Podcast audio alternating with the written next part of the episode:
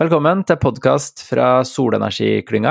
Jeg heter Benjamin Myklebust Rød, og i denne podkasten har jeg med meg gjester fra solenergibransjen, eller folk som på et eller annet vis har interessante perspektiver som er relevant for solenergi og den klima- og energiomstillinga vi skal gjennom. I dag har jeg med meg Espen Sandø fra firmaet Vatero, som leverer teknologi rundt smarte løsninger for deling av strøm. Og rett før koronaepidemien brøt løs, så var de òg med på en tur til Jordan sammen med kongeparet og Solenergiklyngens eh, sjef. Og det har ført til et eh, litt mer konkret prosjekt som vi òg skal få høre eh, mer om. Men, men først, velkommen Espen. Tusen takk. Så bra at du er med. Vatero er et sånt firma som jeg har liksom hatt litt på radaren at uh, dere burde være med, og så har jeg slitt litt med å forstå rett og slett hva dere driver på med. Uh, så jeg tenkte at kanskje vi kan begynne med liksom, hvem er Vatero, hva, hva, er det hva var liksom forretningsmodellen deres? Og vi kan jo kanskje begynne med verden sånn som den så ut før korona og Jordan, sånn som jeg nevnte da verden var litt bedre. Det, det var sikkert, altså, vi var jo tidlig med i eh, solenergiklyngen, eller kanskje ikke solenergiklyngen, men Energy Invented i hvert fall. Vi var blant de første med der, som jo er et samarbeidsprosjekt mellom solenergiklyngen og Energy Valley. Mm. Men eh, ja, verden før covid så hadde vi ett produkt, en markedsplass for kjøp og salg av strøm, med fokus på Afrika sør for Sahara. Tanken var da å gå inn i små landsbyer eller tettsteder. Eh, gi hvert hus et solcellepanel, et batteri og noe utstyr som bruker strøm. Og så kobler vi de sammen og gir dem muligheten til å kjøpe og selge strøm til hverandre. Eh, det var eh, hovedproduktet vårt, og det er fortsatt hovedproduktet vårt. Men pga. korona så har det blitt litt vanskeligere å reise og da verden ble stengt ned, var det 18. mars eller noe sånt, så ble flere prosjekt kansellert. Mm. Men, men, i bunn og grunn så er liksom ideen at man eh, Det er jo mange som leverer sånne litt sånn standalone løsninger for eh, sol på taket hvis man bor i et område uten strømnett og kanskje lever med parafinlamper og sånt, men dere ville da skape et, en, mer et lokalt grid da, mm. på sånne områder? Ja. Uh, koble sammen både hus, litt sånn kommers, og hvis det var noe industri. Så tanken var å få litt sånn blanda last, så man ikke alle bruker strøm samtidig. Og de kan være litt sånn balansekraft for hverandre. Mm. Riktig. Eh, men hvis vi starter liksom et, eh, et, et bitte litt hakk før det, altså når, eh, når starta Vatero, og, og hvem er dere? Eh, altså, vi har jo pivotert et par ganger, så hva, hva vi vil kalle dagens Vatero, ble vel kanskje i slutten av 2018. da. Mm. For vi holdt på under et annet navn, vi gjorde ganske forskjellige ting før det. Så sent 2018 så ble vi vel, begynte vi med det vi driver med nå. Mm. Og hvor mange, hvor mange, folk er dere, og hva, hvem er dem? Eh, nå er vi 18, nei, 18, 8 personer. Eh, en, på, en som har permisjon, så sju aktive personer nå. Hmm. Ok. Uh, men uh, hvis vi går liksom på den teknologien som dere tenkte dere skulle levere før koronaen, hva, hva, er det som liksom er mulighetene og, og, potensialet og eventuelt utfordringene med å dele strømmene i et sånt uh, lokalt nettverk? Da? I Norge har vi jo vannkrafta som styrer og og på en måte kan balansere og levere masse tjenester sånn sett. Eh, men det blir jo en god del sånn annen type utfordringer hvis man har 100 eh, boenheter som deler på et lite mikrogrid. Hva er det som er utfordringene? Eh, det, det blir litt utfordringer. En av utfordringene der er jo kommunikasjonen altså mellom enhetene og server. Det er jo ikke veldig godt utbygd Internett er jo ikke en greie, og mobilnettet er jo relativt dårlig de fleste steder her. Så det er jo kanskje en av de store utfordringene. Ha et stabilt system som kommuniserer med den infrastrukturen som er. Og en av tilpasningene vi gjorde der, var at vi begynte å se på andre IOT-teknologier, som Loravan og lignende. Mm. Som er sånn uh, low energy-van? Uh, ja, altså det er uh, LP-VAN-teknologi, altså Low Power Wide Area Network. Det bruker lisensfrie radiofrekvenser under gigahertzen. Så for Europa så er det vel 868 megahertz. Okay. Det, det, er frekvensspennet der. Mm. Så det kan man bruke uten noen lisenser i en uh, landsby i, uh, i Afrika, f.eks.? Ja, så for eksempel, hvis du har en liten landsby der, så har du ett punkt hvor det er grei mobildekning, så kan du sette opp gatewayen, jeg vet ikke hva det norske ordet blir, basis, liten basestasjon. Ser ut som en liten ruter. Så lenge den har internettdekning, så kan den sette opp nettverk for alle andre enheter. Mm. Og så kan man kommunisere da, og få med seg hvor mye folk kjøper og selger av, av strømmen. Mm.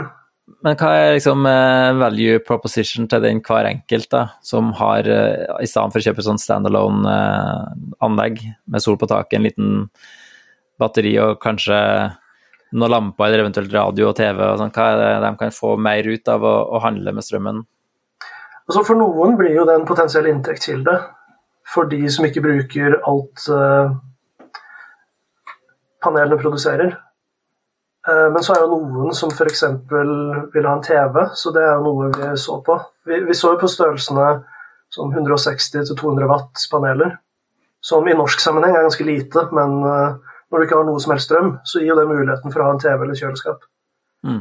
Og spesielt TV-en, da, så er det ganske lett å bruke opp det batteriet har. Si at du på kvelden For at sola skinner jo ikke veldig sent i den delen av verden, kanskje mellom åtte og sju, noe sånt. Spørs når på året der. Mm. Så etter klokka åtte så går du på batteriene.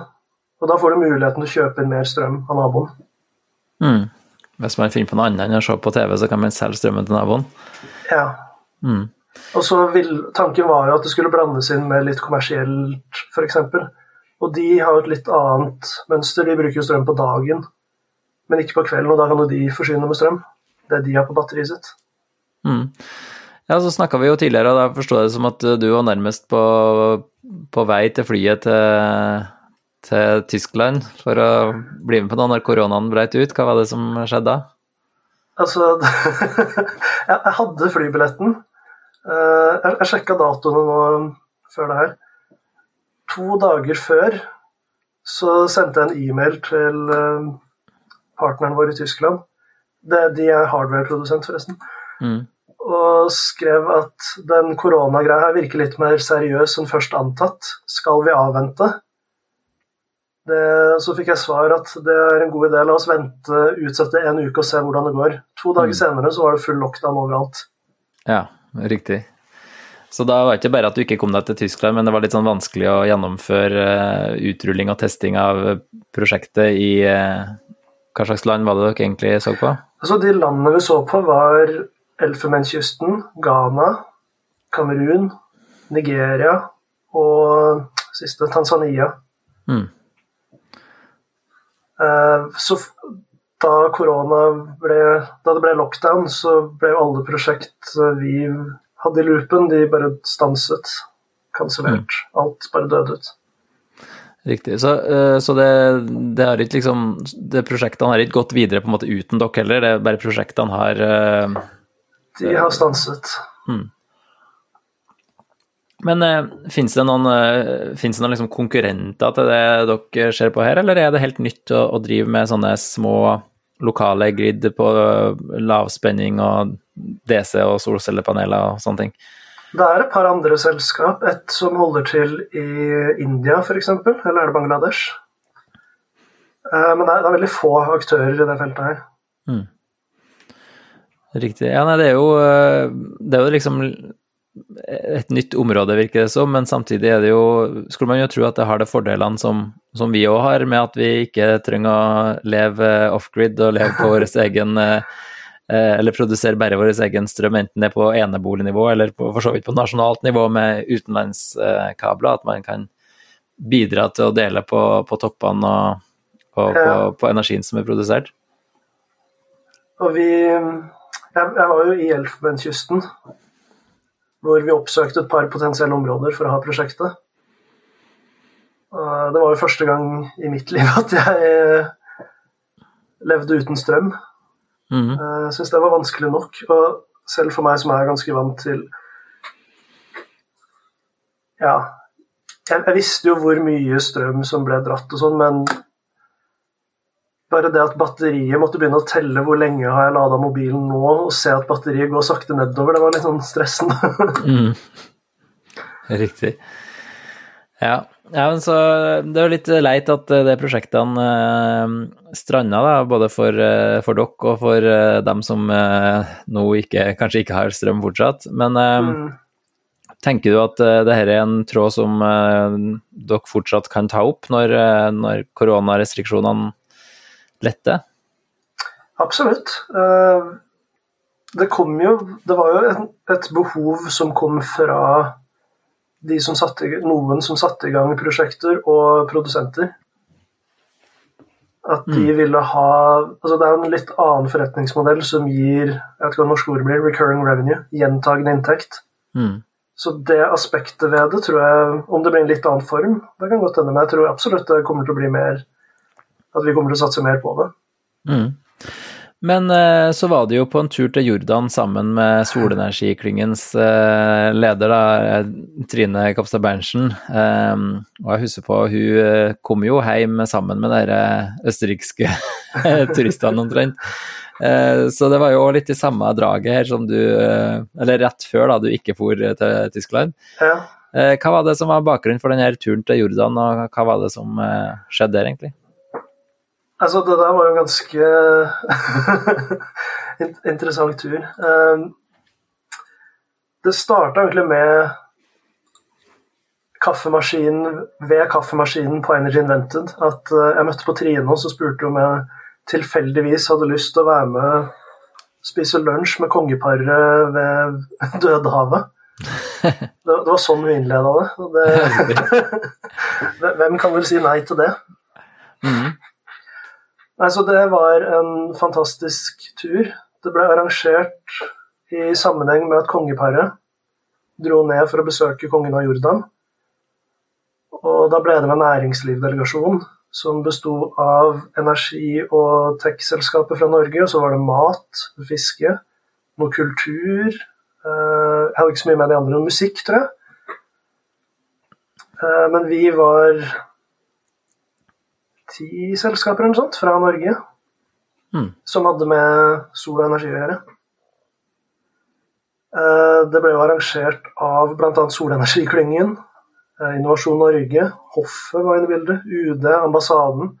Så det var veldig mange, veldig mange parter her som sammen fikk til en ganske Jeg ble ganske imponert over opplegget. opplegget. Så bra. Og da åpna det seg noen muligheter der òg, sånn som jeg har forstått? Ja, så næringslivdelegasjonen, vi var jo innom flere ting der. Altså, opplegget vårt var at vi var innom en eh, startup, en hackathon for eh, humanitær sektor. Så vi ble jo presentert problemene humanitær sektor i Jordan står overfor. Eh, husk at Jordan er jo nabolandet til Syria, så de har jo tatt imot veldig mange flyktninger fra den borgerkrigen der. Mm. Um, så de har en del unike utfordringer sånn sett. Så humanitær sektor var en av de, hvor vi bl.a. besøkte flyktninger. uh, fikk prata med de, hørt hva, hvilke problemer de hadde. Uh, og så var det Vi møtte jordansk næringsliv Mm. Både én-til-én-møter med de. Ja. Men eh, hva, var det som, eh, hva var det som kom ut av den hackathon med mm, flyktningleir og Eller hva kalte det? Så et av problemene for hackathonen pro, altså Problemet for hackathon ble vel formulert av Flyktninghjelpen og UNHCR, Høykommisjonen for flyktninger til FN. Eh, og det var energi, Et av problemene var energibruk i flyktningleirer og blant flyktninger generelt. Eh, flyktningene i leire de betaler jo ikke for strømmen de bruker. De har ingen mulighet til det. Så det er jo ingen insentiver for at de skal bruke mindre strøm. Og FN, UNHCR, betaler jo da mer og mer per måned fordi etterspørselen etter strøm øker, og de har vel et begrensa budsjett. Så det fører jo til at på et eller annet tidspunkt så bare kutter de strømmen. Og det var problemet som eh, flere startups i Jordan så på. Vi var jo egentlig med som eh, for å gi feedback til de som presenterte, og for å være dommere. Mm. Og det var på en av de presentasjonene der at vi ble kjent med et jordansk selskap. Og litt senere så var det vi som skulle presentere hva vi gjorde for uh, humanitær sektor. Og markedsplassen hadde vi funnet ut at det var ikke lov å gjøre det i Jordan. Uh, det, er, det, er, lovverk som sier at jeg, jeg tror det er statlig monopol, så det er kun ett selskap som får lov til å levere strøm. Og det okay. gjør det vi hadde lyst til, litt vanskelig. Så vi endra pitchen vår litt. For at, for at den markedsplassen skal fungere, så må den ha systeminformasjon. Den må vite hvor mye strøm som er, hvor mye som blir brukt, hvor mye som blir produsert osv. Eh, egentlig et dashbord som bare viser oversikten over hvor mye strøm som er tilgjengelig, og hva som brukes. Så vi, vi, vi gjorde det til et separat produkt, kalte det Energy Monitoring. Og det var det interesse for blant humanitær sektor. Mm. Så som et resultat av den presentasjonen så hadde vi møter med oss, det jordanske selskapet vi hadde møtt tidligere, og folk fra Flyktninghjelpen og UNHCR. Og det passa ganske bra at samtidig som vi hadde møter og se om vi kunne gjøre noe, så var Innovasjon Norge til stede og presenterte det de kaller hva er det for noe? Humanitarian Innovation Program, som er en støtte et, Hva blir det norske ordet? Grant. Eh, midler som skal gå til at humanitær sektor kan finne innovative løsninger på sine problemer. Mm. Så sammen med Flyktninghjelpen og det jordanske selskapet så søkte vi på Humanitarian Innovation Program. Så har det vært litt sånn koronautsettelser, men i oktober så fikk vi vite at vi hadde fått de midlene. Ok. Så da skal dere være med på å utvikle et uh, nytt energisystem da i, uh, i en uh, flyktningleir, da, eller? Ja, så mye av greia her er at for de har prøvd, så vidt jeg har skjønt, da, så har FN prøvd tidligere å ta sånn ofte shelf-løsninger, bruke det, men det har vært ting som ikke har fungert helt. Så noe av poenget med den, det prosjektet her, at vi skal lage det fra grunn av til eh, skreddersy det til deres behov. Riktig. Så jeg, jeg, vet ikke helt per nå hvordan eh, den endelige løsningen kommer til å se ut. Nei, riktig, men, men eh, i, i, bunnen her så ligger det at det må være noe som er litt uh, mer uh, jeg vet ikke om jeg skal kalle det low-tech, men, men, noe litt mer uh, lettvekt enn en liksom, AMS-måler, sånn som vi har i et hus i Norge. Og, det, definitivt. Mm. Så hva, hva, er det som er Hvorfor må vi se på andre løsninger enn det vi har i Norge? En av det er kostnaden. Uh, så jeg, jeg, nå har ikke jeg satt meg inn i kostnaden for én AMS-måler, men jeg vet at den er for dyr til at den bare kan flys ned dit. Mm. Eh, det er humanitær sektor, sluttbrukeren betaler jo ingenting, så de er ganske kostnadsbevisste. Eh, blant, altså Én ting er investeringskostnaden, det andre er jo driftskostnaden av det. Så AMS-målerne bruker jo SIM-kort. Og per SIM-kort, et sånt IOT-SIM-kort, er vel jeg tipper ti kroner da, i måneden per sånn SIM-kort. Mm. Eh, hvis du har Den ene flyktningleiren der nede er jo på 40 000 husholdninger. Så er det en til som er ca. like stor. Da begynner du å få ganske stor kostnad per måned bare i SIM-kortgebyr. Mm. Ja, da blir det fort 400 000 kroner i måneden bare for hvis man skulle hatt det, da. Ja, så skal det gange det opp over et år, så plutselig går en stor del av budsjettet bare på drifting av IOT-systemet. Poenget med det er egentlig bare at det skal samle inn data for å finne ut hvor går vi videre. Mm. Ja, for at, uh, Du sa det kanskje ikke helt sånn eksplisitt uh, i stad, men, men utfordringa uh, altså, folk i flyktningleiren, det er masse folk der, og de har kanskje litt forskjellig utstyr. Både kjøleskap, kanskje noen har TV, og, og så bruker man strøm til, det, til FN ikke har mer penger til strøm, er det sånn, eller Hvordan, hva er det som skjer? Ja, så det, Du kan jo se på en sånn flykt... Dette er min forståelse av det så langt. når det kommer i gang, så skal jeg bli skal jeg få mye mer grundig innføring i det, men uh, forståelsen min så langt er at du kan se på en flyktningleir som at den er ett målepunkt. Så hele leiren under ett har ett strømforbruk, og når det når den mengden de har råd til å betale, så kutter de strømmen. Ja. Og da har det ikke noe å si om det er én person som har brukt halvparten av all strømmen, for å det litt, sette det litt på spiss. Mm. Mm. Så hvis, eh, hvis, eh, folk bruker for mye strøm, så blir eh, strømmen kutta den 19. februar, liksom, og så må du leve uten strøm til 1. mars? Omtrent? Nei, jeg tror det går dag for dag, så det er på daglig basis. Så sier, ja, okay. Jeg tror den ene leiren i snitt hadde sånn ti timer strøm per dag. Per døgn. Ja. Og så starter det vel igjen neste døgn. Riktig. Ok, men, men jeg vil jo tro at folk Altså, hva er det vi kan eh, redusere av forbruk, eller hvordan kan man, eh, hvordan kan man få mer eh, ut av kilowattimene bare med å måle, da, hvis ikke folk eh, kanskje betaler for det uansett? Ja, så en, en foreløpig løsning som vi har tenkt på nå, eller ikke vi har tenkt på, men partneren vår, der man kjører på to kurser. Så en prioritert kurs som går til nødvendige ting som sier kjøleskap og lys. Og så putter du alt annet som radio, TV, aircondition på en uh, kall det luksuskurs. Mm.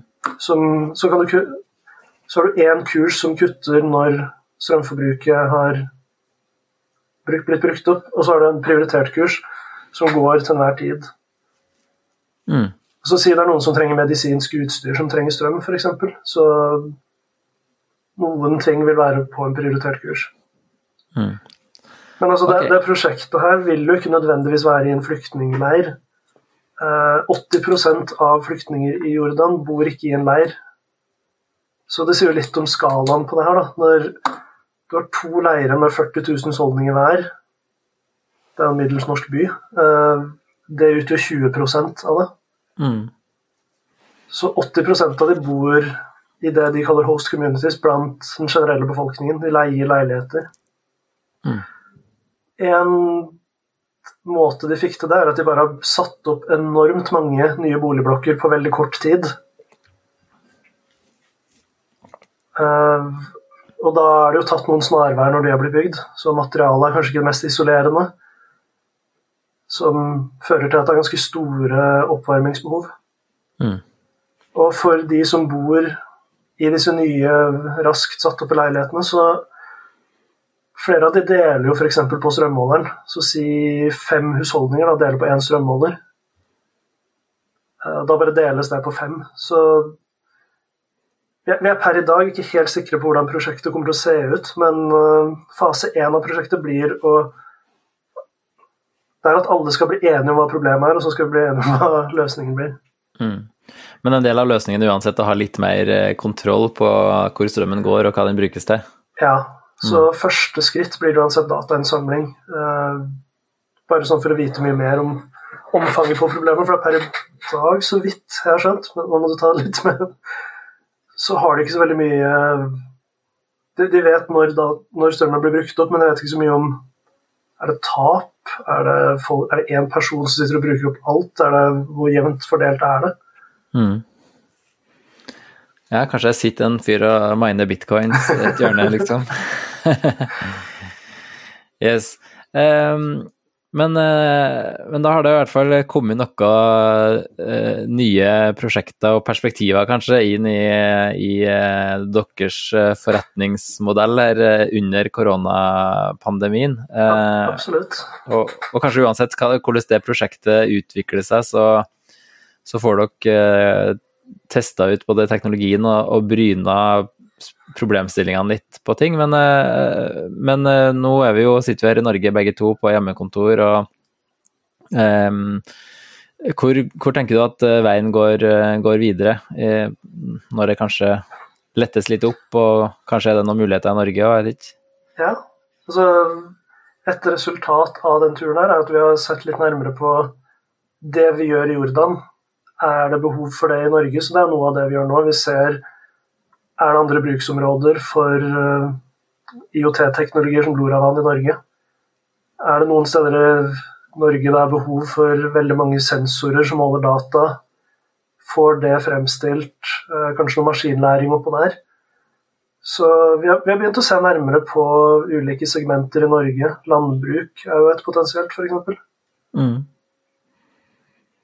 Um, ellers så har vi også begynt å se nærmere på det norske markedet på andre måter. Fordi, som du sier, korona. Uh, mm. Jeg vet ikke når det kommer til å bli borte med det første. Jeg vet ikke når man kan begynne å reise ned til Afrika igjen for forretningsreisende. Det kunne sikkert gått. Mm. Men vi har begynt å se mye nærmere på det norske markedet. Og en sånn markedsplass for kjøp og salg i Norge vet jeg ikke helt om Jeg vet ikke om det er helt etterspørsel etter det. Vi skal se nærmere på det, om det er en måte å implementere noe sånt. Kanskje behind the meter eller noe sånt. Men det som er mer interessant for det norske markedet, er jo kanskje mer det som kalles virtual power plant. Hvor vi f.eks. samler ikke, noen hundre husstander. Hver av de har solcellepanel, batteri. Og så samkjører vi når de slipper effekten ut på markedet. Så mm. med nok eh, plusshus, om du vil, så vil du jo kunne få effekten av et lite kraftverk. Og selge det til kraftselskapene nesten nesten som eh, en aktør på effektmarkedet. Mm. Ja, som en sånn eh, systemaggregator, kaller man det vel? Ja, uh, mm. ja det, blir, det, blir, kanskje bedre ord på det. Systemaggregator. Mm. Sånn at i stedet for at du har 300 hus som hver for seg selger strøm når de føler for det, at du samkjører, og så kan du faktisk dekke en effekttopp. Mm. Ja, det er jo øh mange som ser liksom f.eks. på, på solceller som, eh, som, et sånt eh, problembarn, men hvis man har litt mer kontroll, så kan man jo kanskje gjøre det til en, til en ressurs i stedet. Absolutt. Kombinere det, ikke nødvendigvis med batteri heller, men med varmtvannstank eller uh, sånne ting. At man har litt mer uh, styr på når uh, strømmen blir levert ut på nettet. Absolutt. Altså, jeg, jeg, jeg tror jo ikke at å, se på solcellepanel som et problem blir jo litt sånn ønske å gå tilbake til en tid da du hadde ett kraftverk som en veldig sånn sentralisert modell. Jeg, jeg, tror ikke det er fremtiden, for å si det sånn. Mm. Ja, for eh, dere er jo på en måte en av eh, dem som jeg nevnte i innledninga. At dere, eh, dere, er jo partner i sol, solenergiklyngen, men, men liksom, dere driver jo ikke konkret med så mye solenergi, men at solenergi og kanskje den litt mer Eh, komplekse energiverdenen vi lever i, blir en, eh, en forretningsmodell for eh, smartere, smartere, og mer kontroll på, på nettet? Mm, absolutt. Nei, så vi, vi, vi starta litt ut med solcellepanel, og det sånn vi ble med i solenergiklyngen. Men jeg vil absolutt si at vi fortsatt er med i den verden der. Mm. Stort sett alle prosjektene våre har jo solcellepanel inne i bildet. Mm. Til og med det Jordan-prosjektet er det jo solcellepanel ved I hvert fall ved flyktningleirene. Så det er jo et aspekt ved det som må tas inn i bildet, hvordan det skal beregnes. Mm. Ja, men det er i hvert fall eh, mange uh, uh, muligheter, og vi har Det er en god del problemstillinger, og så handler det kanskje da for dere framover å klare å matche det teknologien og mulighetene dere har med med både problemstillinger og Du nevnte jo regelverk i Jordan, men vi har jo en del regelverk i Norge også, som kan gjøre ting krevende å, å, å teste ut. Stemmer. Mm. Så, som jeg sa med den der systemaggregatormodellen eh, Vi begynte jo med å se på hva om vi samler nok hus, og så kan vi gå inn på Nordpool som på effektmarkedet der. Men det er jo veldig kraftig regulert, så det tror jeg ikke jeg tror ikke det skjer med det første, så i første omgang eh, kan det bli mer aktuelt å gå til kraftselskapene, som allerede har er inne med, den uh, reguleringen som er der. Mm, og så er det jo masse testing òg, da, som, uh, som jeg var inne på med Future Home i en tidligere podkast her, at man uh, Det er jo rom for å skape prosjekter der man tester muligheter med ny teknologi, sjøl om det ikke er helt i tråd med dagens regelverk, hvis man får et unntak for et testområde, sånn som de har fått i, i Fredrikstad f.eks., sammen med Norgesnett. Så det er jo sånne Absolutt. piloter foregår det jo litt her og der, og det er jo masse vi skal lære av eh, Eller masse vi må lære i årene som kommer òg, for å få et smartere nett. Så er, En av de tingene vi fokuserer litt på, er at vi er, på utkikk etter partnere som eh, vil være med å teste den type ting. Mm. Ja, det kan jo gå ut som en oppfordring til folk som hører på, å ta kontakt eh, med Vatero og, og Espen. Ja. Jeg lurer på om jeg skal si eh, takk for at du var med i podkasten for denne runden. Ja, tusen takk for at jeg fikk være med. Så får dere ha lykke til med både den opprinnelige forretningsmodellen med utrulling i Afrika sør for Sahara og prosjektet i Jordan, og så videre med nye muligheter, kanskje i Norge. Tusen takk.